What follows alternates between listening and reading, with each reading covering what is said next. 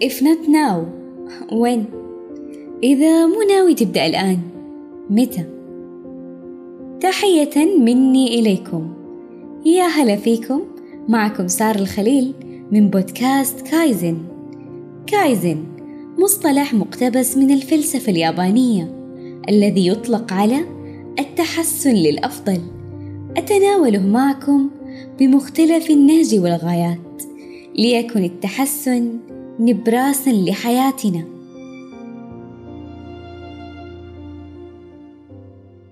الحلقة الأولى بعنوان اقفز من الطائرة. تخيل معي عزيزي المستمع. جميعنا في الحياة نحلق على طائراتنا الخاصة. اللي صعدنا عليها من لحظة ولادتنا. مع أول شهدة نفس في هذه الحياة. ولكن حينها ما كنا مطالبين. بقيادة هذه الطائرة من الأساس. وكان يكفينا إننا نستريح بهدوء ونترك الدفة للآباء وتمضي بنا الأيام. وكان اتجاه طائراتهم هو اتجاهنا. وكانت حياتنا عبارة عن راحة. وأبد لا نشيل هم الوجهة ولا متى راح نوصل. ببساطة أيام هادئة بقيادتهم.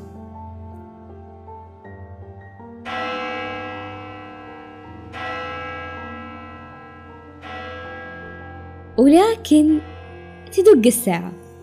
وحين الموعد اللي كبر الفتى فيه وجي والده ويقول كبرت وجا وقت تعتمد على نفسك. ويلاقي دعوات أمه ترافقه. الله يقويك يا ولادي. الآن الموضوع في يدك. ومن هاللحظة أصبح الفتى مسؤولا عن القيادة. لكن الحكاية مو في البداية. بل كيف هالرحلة راح يرسم النهاية؟ الأشخاص انقسموا في قيادة طائراتهم لعدة أنواع. فنلاقي اللي يظل مرتاح لا تهمه لا الوجهة ولا له طاقة يسوق الطيارة وصار خادم لراحته. ويوم بعد يوم صارت الطيارة من مثال للحرية لمعتقل صنعه بيده. فتلاقيه إن مر على منجم من ذهب. راح يخاف ويتردد والأكيد ما راح يقفز ويترك راحته. هناك عزيزي من يقود طائرته عالما بوجهته معاديا كل عاصفة. وإن مر على منجم راح يقفز أكيد. تاركا التردد علشان يحصد اللي يقدر عليه. وراح يصعد مرة ثانية ذاهبا لوجهة أخرى. لأنه ببساطة يعلم أن الغاية هي الوجهة. لا أن تبقى عالقا في الرحلة. إيه ركز في هالجملة وراح أعد لك هي. إنه يبيلك تتذوق هالكلمات ببطء وتمعن. هو يعلم أن الغاية هي الوجهة. لا أن تبقى عالقا في الرحلة. لا تقول لي إنك للآن ما أدركت إيش المعنى. من القفز من الطائرة. عدم تخطيطك وإدارة حياتك وخوفك من البدء والخوض في غمار كل شيء جديد هو ضياع لعمرك ووقتك. تعلم إنك تقفز عند كل فرصة. لا تبقى عالق في طيارتك. ترى ما راح تنال ولا شيء. ولا تطل التفكير وتمكث دائما متغلغلا في خوفك. لأن الوقت ما راح ينتظرك والأكيد إنه العمر عمر عدوك. اسعى دايما لتحقق ما تريد وابدأ. يكفي ضياع وقت ومماطلة يكفي خوف. صحيح القفز دائما يصاحب مشاعر من التردد والخوف والقلق لكن ما بعد تلك الخطوة حياة أخرى. وعلى ذكر هالموضوع خلوني أحكيكم عن صاحبنا سعد. كل يومين يجينا متحمس ويقول بس لقيت الفكرة اللي بتخلي الكل واقف وما يجلس. ونحن نسمع ونصفق ونقول يا الله على الحماس أكيد راح يحقق اللي ما تحقق. وبعد يومين نجي ونطمن. ها يا سعد وش صار على فكرة الصاروخ اللي يرقص لك؟ آه لسه ما انتهيت. لسه قاعدة أخطط. طيب فكرة تعلم الطبخ. والله ما لقيت. الطماطم البرازيلية القابعة في جزر الفرسان اللي بتنبت تحت الجبل. ما يمدي أبدأ. طيب ما علينا. خيرها بغيرها. طيب بزنس المطعم. لا عاد هذا مطول. الطباخ لازم يكون. أمريكي لاتيني من أصول فرنساوية. ولا لا لا لا ما يمدي الفكرة تكمل. فين صاحبنا سعد؟ ترى له عشر سنين يخطط وينتظر الفكرة تكمل. الخوف من النقص وانتظار الكمال ترى هذا وهم. وداء خطير جدا ويعيقك إنك تحقق ويحبسك في زنزانة التأخير. ومن هالمنطلق قرأت أحد المصطلحات اليابانية اللي أهدي لي ولكم. ولكل من سعى للكمال فحبس في عالم من العجز. وابي سابا أو بطريقة أخرى وابي سابي.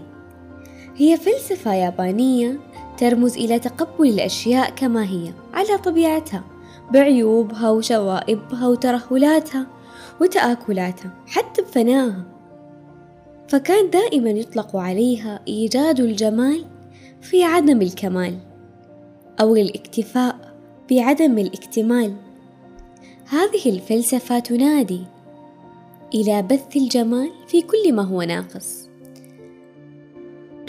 Wabi Sabi rejects the pursuit of perfection and embraces the reality of imperfection. The philosophy behind Wabi Sabi can help us escape the hamster wheel of chasing an ideal life and teaches us to appreciate existence as it is, perfectly imperfect. تعلم من هذه الفلسفة أنك تحب الشيء الناقص عادي أنشر مشروعي وهو لسه ما اكتمل إيش يعني إنه أنا فكرتي لسه ما هي مثالية تماما ترى المثالية والسعي نحو يكون الشيء خالي من جميع النقص والعيوب. شيء متعب جدا ولعله أقرب المستحيل. يجب أن نتقبل أن جميع الأشياء ناقصة. نحن بحد ذاتنا ناقصين. هذا طبيعي جدا. ومصير الأشياء تكتمل مع الأيام مع الوقت. عادي انشر فكرتك. راح تكتمل. ومتعة متعة الحياة إنك تكمل الأشياء الناقصة. يعني لو كان الشيء كامل أساسا أين المخاطرة والمغامرة فيه؟ راح يكون شيء آمن ما في أي مجازفة. إذا كان الشيء ناقص وفيه جزء من المخاطرة والخوف هنا تكمن التحدي وهنا نأخذ الغنائم. ابدأ. عادي. الحياة وسيعة. لا تقلق. ولا تشيل هم. صدقني لما بدأت راح تندم بعدين. وعلى هذا الكلام لعل والدي ذكر لي أحد الجمل. كنت دائما لما أقلق وأتوتر إني أبدأ أي شيء جديد كان يقول عادي لا تبدي بس راح تقعدي مكانك. وراح تجيني بعد خمس سنين وإنتي بنفس المكان وبنفس الإنجازات وبنفس كل شيء وما تغير فيك شيء. وبرضو راح تشتكي لي إنك ندمانة إنك ما بدأتي. لا تقلق من الفشل. وحكاني قصة طويل العمر اللي أضاء العالم. إي نعم أديسون. أديسون جرب تسعة وتسعين مرة علشان يخترع المصباح. وكانت كلها طرق فاشلة لكن هو ما كان يطلق عليها تجارب فاشلة بل بالعكس كان يطلق عليها تجارب لم تنجح. وكل ما يسألوه يا أخي أنت ما تستحي. كل مرة تفشل وصامل. تعرف وش يقول لهم؟ يقول لهم بالعكس جالس أكتشف تسعة وتسعين طريقة لا تؤدي إلى صنع المصباح الكهربائي. عزيزي تأمل قصة أديسون ولعلك ستكون الشخص الآخر الذي سيضيء العالم.